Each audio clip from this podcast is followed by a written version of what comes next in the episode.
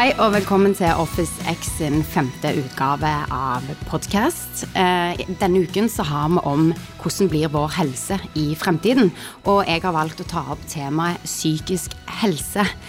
Så eh, velkommen til deg, Kaja Asbjørnsen Bettin. Du er styreformann i DiggPsyk og psykolog.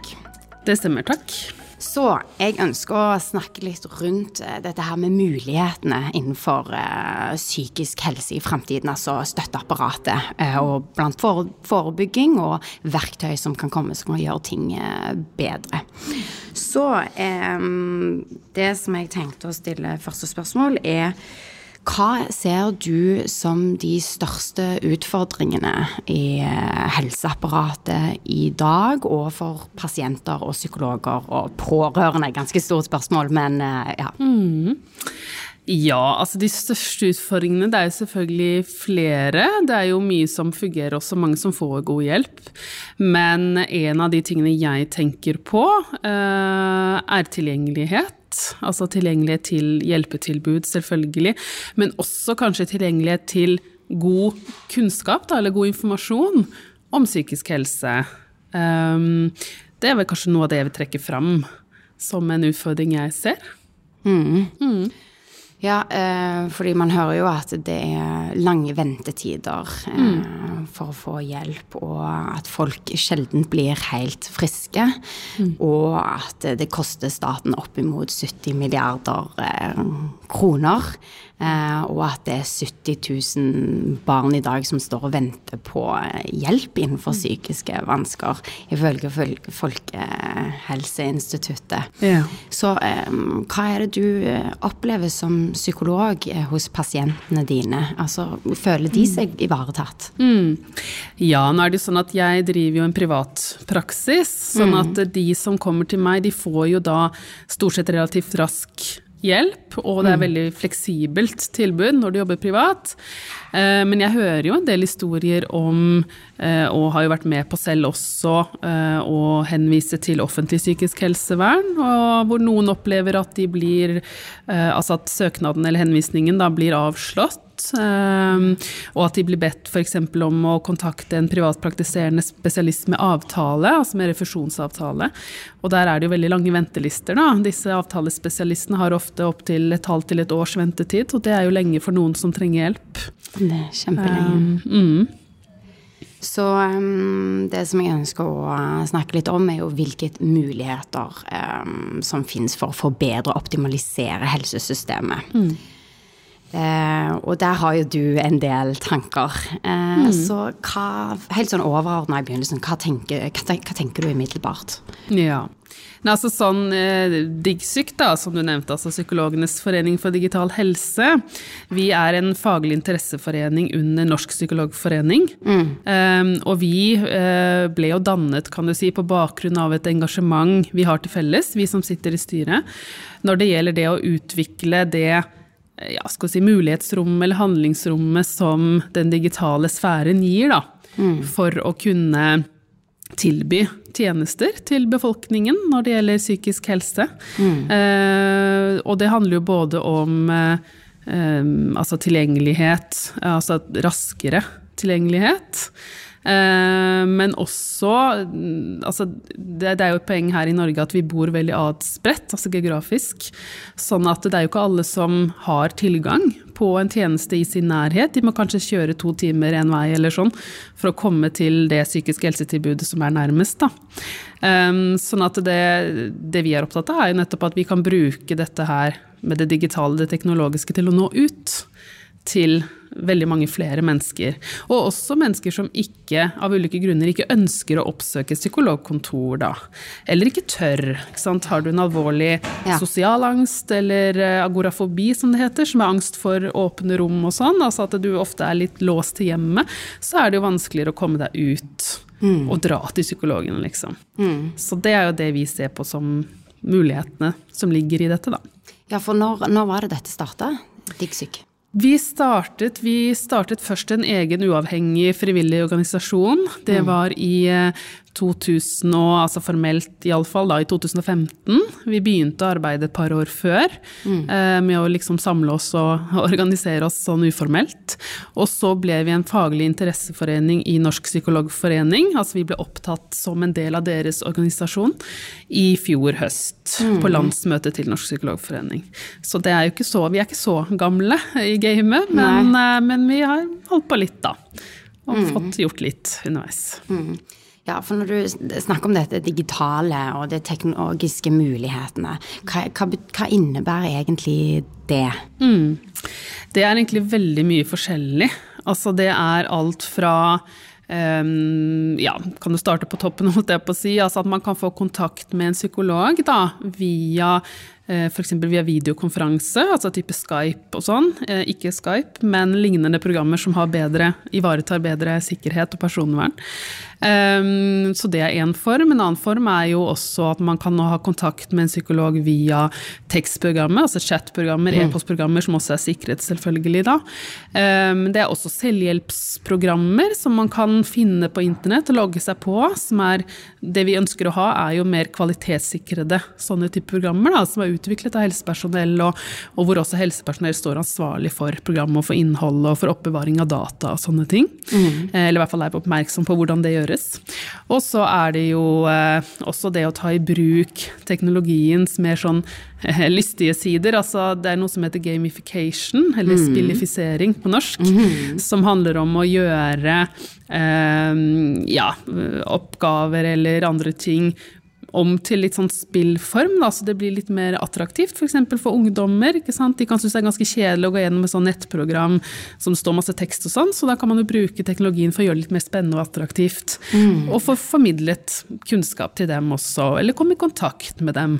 Man kan jo ha Jeg vet om psykologer som har hatt avatarer i type videospill, da, og hatt ja. kontakt med ungdommer via spill, da, eller sånn gamifiserte ja. programmer. Så det er noen muligheter. Og så har du jo også også det her med måleteknologi, at man kan ha Og det kan man jo, det er jo flere sider ved det, men man kan iallfall ha det. Mm. Altså måle endringer i, i, kroppen på en måte, eller ja, forskjellige typer biologiske markører, da. Som mm. kan si noe om hvor, hvor er du nå, hvor er du på vei? Altså spesielt hvordan gjør man, eller hvilket, uh, hvordan da? Nei, f.eks. at det kan det finnes, det finnes jo en del ting allerede. Jeg har ikke sånn detaljkunnskap på alt, altså, mm. men, så det er sikkert mye jeg ikke vet om også. Men det kan være ulike typer sensorer da, som måler forandringer i, i, kroppen på ulike måter. Som kan si noe om at nå er det i forhold til overvåkning eller ja, medisinering f.eks. Eller eh, humørsvingninger. Det finnes apparater som kan måle aktivitetsnivå, som kan si noe om for et menneske med svingende, altså sånn humørsvingninger eller stemningslidelse, bipolar og sånn, eh, at nå er du kanskje på vei inn i en fase. ikke sant? Gjør deg mer oppmerksom på det. Og det er litt både òg, hvor mye vi skal måle oss, og hvor mye vi skal gå og kjenne etter og vite om hvordan det er i kroppen vår. Men, men det er i hvert fall en mulighet. Man kan mm. bruke sensorteknologi da på den måten. Yeah. Um, ja, så jeg kommer på flere ja, nei, Jeg har et uh, eksempel. Jeg var ja. nemlig oppe hos uh, Du kjenner sikkert til det Intromat-prosjektet med ja, Tine Norgren. Det kjenner til. Hvor Atensi står bak noen av løsningene. Mm -hmm. Så var jeg oppe der og fikk prøve eh, de, eller to, de har for sosial angst. Mm -hmm. og det var en hvor jeg skulle gå inn på en kafé, og da tok hun meg dette. For da, for da skjønner jeg jo at det er jo faktisk folk som sliter med dette her, og bare til og med gå inn på en kafé. Ja. Uh, og det, ja, det er ganske rørende å vite at for noen så kan det faktisk være utrolig vanskelig. Altså, det er litt sånn ubehagelig å kjenne på. Um, så da var jo det å prøve det verktøyet nesten fikk jo nesten sosial angst eh, selv. Fordi ja, jeg bare, da levde jeg meg sånn inn i rollen, ikke sant. Ja, nettopp. Uh, men det er jo Og så, så, prøvde jeg den, og så i tillegg til det så sto jeg foran et um, klasserom og leste Henrik Ibsen. ja, ja, det kan og, det, sant? og de ser jo fryktelig skumle ut, disse elevene. Ja. ikke sant? Men ja. allikevel, hvis det som jeg, da, da jeg tenker, hvis, hvis uh, man får tilgang til disse mm. verktøyene selv, mm. så, så vil man jo kunne øve seg hele tiden. Ja, hver dag. Nettopp. Eh, for nå sånn. har jeg en oppfattelse av at det er sånn at du gjerne får en psykologtime 45 timer, minutter i uken. ikke sant? Ja, det er vanlig. Så det er mm. ganske imponerende med den type Absolutt. verktøy. Ja, og da er det det du snakker om der, er vel sånn virtual reality-type ja. yes. verktøy, da. ikke Godt, sant? Uh, ja, og det var det, det glemte jeg. Så det var noe av det jeg ville ha fram også, ja, som jeg glemte på veien. At man kan bruke virtual reality for å iscenesette yes eh, fiktive situasjoner, sosialsituasjoner, men også type sånn har du en alvorlig edderkoppfobi, så kan du iscenesette, ikke sant, så du har en edderkopp i rommet plutselig, og det krever litt mindre ting og tang rundt da, hvis du har gode sånne type programmer. Det er nettopp det. Så det er også en mulighet. Ja, og så eh, er det jo en sånn mulighet som jeg kom over med det Tine Norgren, at um, en sånn undersøkelse med en sånn et amerikansk selskap som hadde utvikla en sånn robotpsykolog. Ja. Som, det stemmer. Ja, du kan fortelle litt uh, hvordan det funker. Ja, nei, altså det finnes jo Det er jo noe som er veldig sånn i gang nå. Ja. At man begynner å utvikle systemer, altså maskiner, da, som kan eh, Som egentlig er ganske avanserte, som kan klare å oppfatte og, og, altså informasjon, og tolke informasjon og gi respons, og oppfatte ansiktsuttrykk. Kan skanne ansikt f.eks. og komme med konklusjoner om om du virker deprimert eller eh, engstelig, eller sånne type ting. Da. Ehm, det er ikke noe system per i dag som er sånn helt feilfritt, alt jeg på å si, og som brukes i stor skala. Det finnes noen versjoner eh, her og der, eh, men, eh, men, det er jo noe som er under utvikling, som sagt, og som sikkert kommer til å komme mm. også. Og at disse robotpsykologene, da, eller maskinene, iallfall kan ta noen av funksjonene som psykologer har. Det blir kanskje ikke helt det samme som å sitte med et menneske, men samtidig så, så kan det faktisk ha ha, man ser jo også det at det, har, eh, det kan ha en slags effekt, da. Å snakke med disse maskinene så lenge de etterligner mennesker. Ja, for at jeg leste jo at eh, de, det hadde vist seg at eh, pasienten åpna seg mer til ja, denne roboten. Faktisk. Ja. Og det er jo ganske utrolig ja. og fantastisk, egentlig. For jo, mm. da viser man jo at man går i riktig retning med de ulike verktøyene som mm eh, finnes opp. Mm. Faktisk. Og det er noe med det, for det kan jo høres veldig Hvis jeg bare kan kommentere det ja. eh, kort, da. For det, som du sier, det høres jo litt rart ut, kanskje. At ja. man skulle åpne seg mer for en maskin enn et menneske. Ja. Men det som er et poeng som jeg tror mange ikke tenker på, det er at for mange så er det ganske skambelagt å sitte overfor et annet menneske og på en måte erkjenne mm. sine, sin sårbarhet og det man selv kanskje ser på som feil og mangler. Da. Sånn at det er Jeg tror det der handler om at det er lettere å erkjenne disse tingene overfor noen som, som da ikke helt har det menneskelige aspektet, men som likevel responderer som et menneske mm. på deg. Så du får på en måte responsen uten å trenge kanskje føle så mye på skammen. Og det tror jeg gjør at man kan åpne seg mer faktisk. Mm. Um, så det tror jeg er noe av forklaringen på det. Da. Ja, så mye av disse verktøyene eh, legger merke til at det er veldig sånn det, det, gjør, det er lavterskeltilbud, nesten, på en ja. måte. Altså, det gjør det mye mer tilgjengelig for folk flest. Mm. Sant? Det er jo sikkert noen som har sånn sosial angst at det er vanskelig å bare gå til en psykolog. Ja. Um, så, og det å da kunne ha tilgang til disse tjenestene hjemme, mm. for det vil jo kanskje bli sånn etter hvert. Mm. Ja. Det er jo i gang nå, og du nevnte jo Intromat, som er et prosjekt da, som driver med forskning på og utvikling av nettopp sånn e-helsetjenester innen mm. psykisk mm. helse.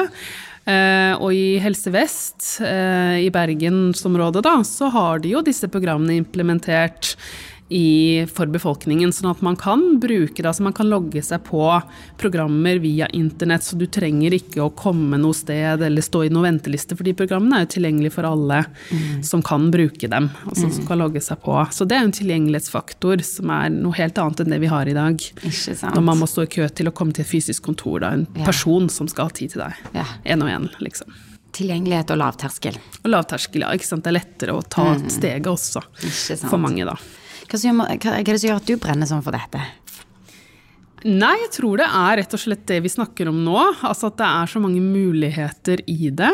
Um, det er jo, skal jo sies at det også selvfølgelig er en del utfordringer. Um, det er mye vi må være oppmerksomme på når vi begynner å utvikle sånne typer tjenester. Det handler jo om personvern og det, og sikkerhet for pasienten, men det handler jo også om at verktøyene skal fungere. Ehm, jeg driver en del med e-terapi selv, altså jeg har samtaler med klienter eh, eller pasienter. Over videokonferanse. Ja. Eh, og det hender jo at det er litt tekniske utfordringer, da, med dårlig nettverk og langsomme PC-er, og plutselig er det noe som ikke fungerer og sånn. Så, så, vi har jo en del utfordringer, men, men, det som engasjerer meg spesielt, er jo det, det handlingsrommet eller mulighetsrommet vi har til å nå ut til både flere mennesker, men også grupper som vi, vi, ikke ser så mye i dag. For det er ikke sånn at alle med psykiske helseproblemer oppsøker Nei. hjelp. Det er faktisk en relativt liten gruppe av de som til enhver tid strever med dette, som oppsøker hjelp. Ja, ikke sant. Så hvordan kan dette være med å nå ut til de? Hvor kan de få vite om dette? Mm. Ja, det er jo et godt poeng, da. Hvordan skal vi mm. få fram informasjonen? Yes. Fordi hvis man f.eks. klarer å utvikle, og det vil man klare, altså det er jo i gang allerede det, eh, programmer da, som retter seg mot f.eks. på internett, da, mm. som retter seg mot ulike typer grupper, så er det jo et poeng at man må få fram at det finnes. Sånn at det er, selv om det er lett tilgjengelig, så må man jo vite at det finnes, da. Mm. Så da må man jo gjøre opp oppmerksom på det. Da, at man må liksom ut i nærmest sånn markedsføringsfora og, og, liksom vise at tilbudet finnes. Um, og det er kanskje sånn at det fortsatt er litt uh, Ikke prematurt, det blir feil, men at det er litt sånn ukjent og nytt. Sånn at uh, ute i befolkningen så har man ikke helt kanskje fått med seg Eh, at disse tingene er i ferd med å komme. Da. Og det kan være litt fremmed også for den som sitter der ute, selvfølgelig. Mm. Og ta det i bruk. Så informasjon og markedsføring tenker jeg blir viktig. Ja. Eh, møter dere eh, mest positivitet eller skeptisk hos um, psykologer, psykiatere og helsepersonell når det kommer mm. til det digitale? Mm. Veldig blanda, vil jeg si. Um, det er mange som er positive, eller iallfall nysgjerrige. Altså, jeg tenker at Man behøver ikke å være udelt positiv og tenke at alt er bra med dette her, men, men at man, mitt håp er jo at man som helsepersonell iallfall kan vise nysgjerrighet da, på hvilke muligheter det, det har. Um, men jeg opplever jo også en del skepsis. Um, det som jeg syns er litt interessant, er at når jeg spør da f.eks. hvorfor man er skeptisk, så er argumentene veldig Handler det veldig mye om terapeuten selv. Ja. At dette 'Jeg har ikke noe tro på dette', eller 'passer ikke for meg'. Og det syns jeg er litt interessant, da, fordi at vi har jo faktisk mye forskning etter hvert som viser at en del sånne Eh, teknologisk baserte eller internettbaserte helsetjenester har god effekt ja. og hjelper pasientene. Mm. Så den skepsisen det er jo forståelig, for det er nytt, og, og, det er jo en del sider ved det vi må være forsiktige rundt. Men uh, litt sånn, det, noen ganger så virker det litt vel defensivt, syns jeg, da, hos mm. en del. Så det er veldig blandet. Så jeg tror vi har en jobb å gjøre med å få det frem også. Ufarliggjøre det, rett og slett. Ufarliggjøre det, ja. ikke sant? Og få, få, det frem at det finnes, og at det er muligheter i det. Og så får vi heller ta utfordringene samtidig. Vi kan ikke lukke øynene for dem. Mm. Men vi kan jo heller ikke lukke øynene for samfunnsutviklingen Nei. og den veien fremtiden går. Mm. Så um, ja. Ja, nei, eh, nei, for jeg var og traff eh, IBM Watson i ja, går. Watson. Eh, ja, de bruker mm. jo nå inne på en sånn kreftforsknings ja. oppe på Big Med der på Radiumhospitalet. Og det, de svarte det samme, at um, de møtte veldig mye positivitet fra millennials-gruppen. ikke sant? De mm, unge. Mm, men med en gang det kom til de eldre, så var det nei, jeg liker å gjøre det på den måten der. Sånn skal det bli gjort. ikke sant? Jeg liker å skrive med sånn. penn og papir og gjøre det helt selv. Så, men det er, det, det er nettopp det med markedsføringen og ufarliggjøre det og mm. få fram de positive mm. tingene med det. Ja. Og så tror jeg, jeg, si, jeg tror også det er viktig at man tar dette med inn i utdanningen av helsepersonell. Nå er det jo psykologer som er min faggruppe, og vi hadde jo, jeg kan ikke huske at det ble nevnt en gang under psykologstudiet, eh, dette her med hjelp på nett. Mm. Det var liksom ikke et tema. Nå er det jo det er ikke så lenge siden jeg var utdannet, jeg var ferdig utdannet i 2010, så det har jo sikkert skjedd litt siden det òg. Men jeg tror ikke det er så veldig på plass i studiene, og det er også et sted å begynne for å opplyse helsepersonell da, om mm. muligheter, og at man blir tryggere mm. på å bruke sånne type ting. Mm. Ja, så, så, hvordan kan man bruke som psykolog, hvis jeg ikke hadde noen peiling på alt dette her, hvordan mm. kunne jeg ta det i bruk? Altså hvordan eh, vil det etter hvert bli sånn f.eks. at eh, den psykologen tar Eller det, at det, det, det, er en maskin som blir psykologen, eller, mm. at, bare, eller at det blir bare et verktøy, eller mm. Det, ja, der kan man også gjøre det på veldig mange måter. Da.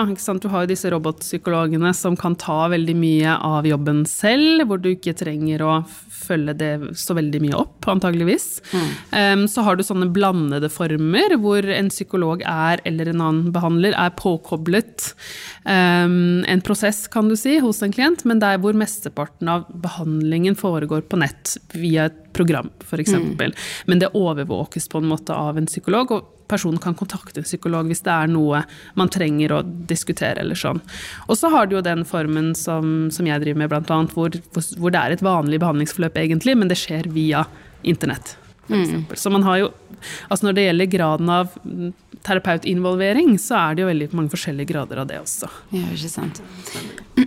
Så hvordan eh, vil min reise som pasient bli hvis jeg kommer inn i dette nye systemet i framtiden? Mm. Eh, hvordan vil, vil, det bli? Vil det bli at jeg bare kan sitte og øve meg på alt hjemme? At jeg ikke Eller ja. Altså jeg, eh, blir det mer persontilpassa? Mm. Får man raskere hjelp? Raskere frisk i anførselstegn? Mm. altså lettere å forebygge? Mm. Og, og, blir jeg mer kunnskapsrik, altså forstår For nå er det jo veldig mange som er syke, og så forstår ikke hva som skjer i seg.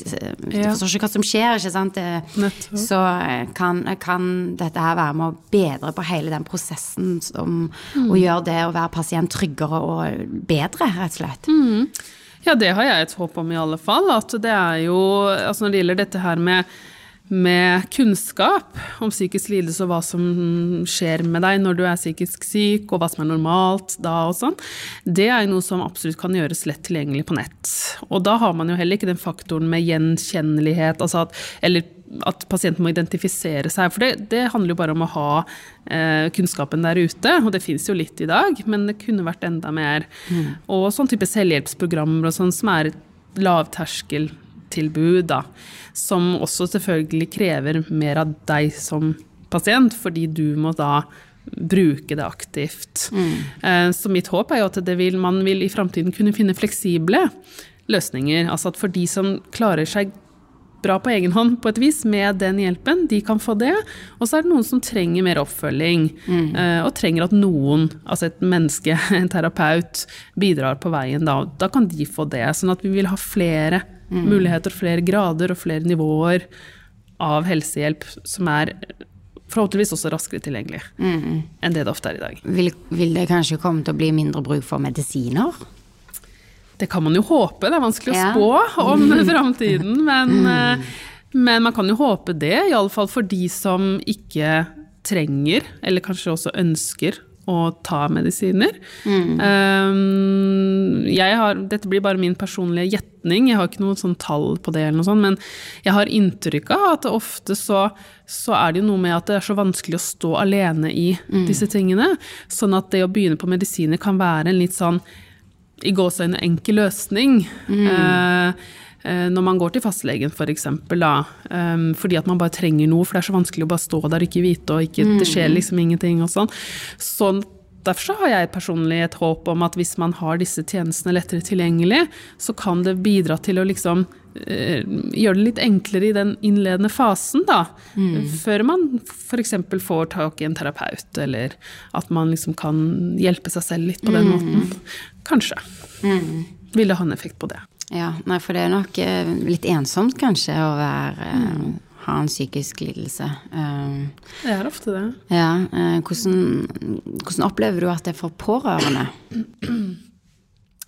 Ja, nei, det er jo um, sikkert blandede erfaringer der, men, men, det er klart at det er nok ofte sånn at i et behandlingsforløp, standard behandlingsforløp, så så er det først og fremst pasienten som er med. Mm. Og så har man kanskje pårørende innom til en samtale eller noe sånt. Men, men jeg tror nok mange pårørende opplever at de står litt på sidelinjen. Mm. Og kanskje ikke får så mye informasjon. Og, og det er klart det, det, handler jo også litt om hva pasienten vil, for man kan jo ikke involvere pårørende på tross av pasientens vilje, mm. med mindre det er snakk om mindre eller små barn. da. Um, så der er det jo en del utfordringer til det, men selvfølgelig, man kunne jo også sett for seg at det kunne finnes informasjonstjenester for pårørende, eller måter de kan ta del i behandlingen mm. på, på en mm. enklere måte enn det som er i dag, da. Så det også kan gagne dem, men også gagne behandlingen til pasienten. Ved å involvere pårørende i større grad. Ja, for kjærlighet er viktig. Ja, kjærlighet er viktig. Å bli sett. Mm. Absolutt. I hvert fall når man er syk, kan jeg tenke meg. Ja. Eh, men eh, hva tenker du samfunnet kunne gjøre bedre for at eh, folk fordi nå er det jo, blir man jo ofte veldig stigmatisert om man er syk, og man er kanskje Det er ikke så lett å komme seg i jobb, og man blir gjerne gående hjemme og føler seg ekskludert. Og det er jo heller ikke så veldig bra hvis man er psykisk eh, syk. Så, så hva, tenker du med holdninger, og hvordan ting kan bli, gjøres der for å forbedres? Ja. Jeg tror mye egentlig allerede har skjedd. Jeg tror det er en pågående stadig utvikling der. At det blir mer og mer akseptert på et vis, da. At man har psykiske helseproblemer.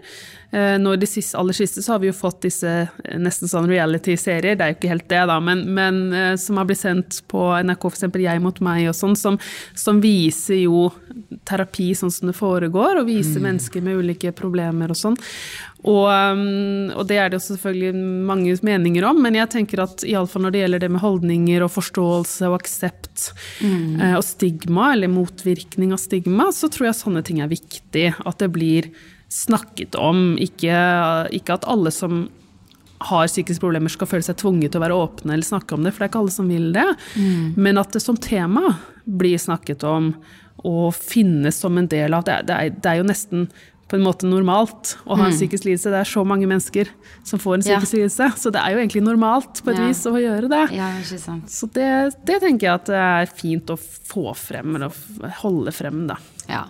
Mer kunnskap, mer informasjon. Det er um, alltids uh, bra. Eh, men det, som jeg tenker på med det, tilbake igjen til det, digitale, med litt sånn rundt sånn eh, Man er jo ganske sårbar hvis man gir fra seg ting til et program eller til noe digitalt. Ikke sant? Eksempel hvis du bruker da en sånn app som har sånn stemmegjenkjenning. Nei, nå Ja. kjenner, kjenner den, skjønner den appen at du er på vei til å bli manisk, for Ja. Eh, og da har jo den appen, eller de, det selskapet som har utvikla den appen, har jo ganske mye sårbar informasjon om meg. Altså når det kommer til de tingene der, um, hvordan vil det bli uh, med sikkerhet? Uh, ja. Ja, jeg tenker jo at personvern Ja. er en av de viktigste spørsmålene som vi må ta stilling til når vi begynner å utvikle sånne type tjenester da, og programmer. For det er som du sier at eh, hvis informasjon blir lagret eller analysert og brukt, og særlig lagret da oppbevares, så er det jo en personvernrisiko hvis det skulle komme på avveie. Eh, sånn er det jo for så vidt fra før. Vi har jo helsejournaler og sånt som lagres, men her kan det jo være mye mer informasjon etter hvert da, som blir brukt, iallfall på et eller annet vis. Sånn at der må man jo være oppmerksom og, og sikre seg at de tjenestene man bruker, sånn, altså de datalagringstjenestene og sånn, er gode nok, da. Um, så da må man, må man ha kunnskap om det også. Da må man liksom, eller bruke kunnskap om det, tilegne seg det, uh, anskaffe seg via andre. Ja. Um, så det er en utfordring, tenker jeg. ja, for det kan jo gjøre at folk kvier seg litt, ikke sant? Eller at Ja. foreldre sier nei, det skal vi ikke gjøre fordi at, ikke sant? Eh, Selvfølgelig kan det skje. Så det, jeg tenker det er viktig å finne systemer da, som er gode og trygge nok til å trygge nettopp pasienter, foreldre eller andre pårørende. Sånn at eh, risikoen iallfall er minimal da, for at det skal komme noe på avveie. Um, ja. Ja, um, bare helt sånn avslutningsvis. Altså hvis folk er interessert i å finne mer ut om disse digitale mulighetene eh, hvordan, hvis de, Sånn som du sier, da, hvis de sitter på en bygd langt ifra hjelp, eller de føler de er i en familie eh, og de, blir ikke forstått, og eh, ja eh, Hvor kan de gå da eh, for å få lett tilgjengelighet på Ja. nett, f.eks.?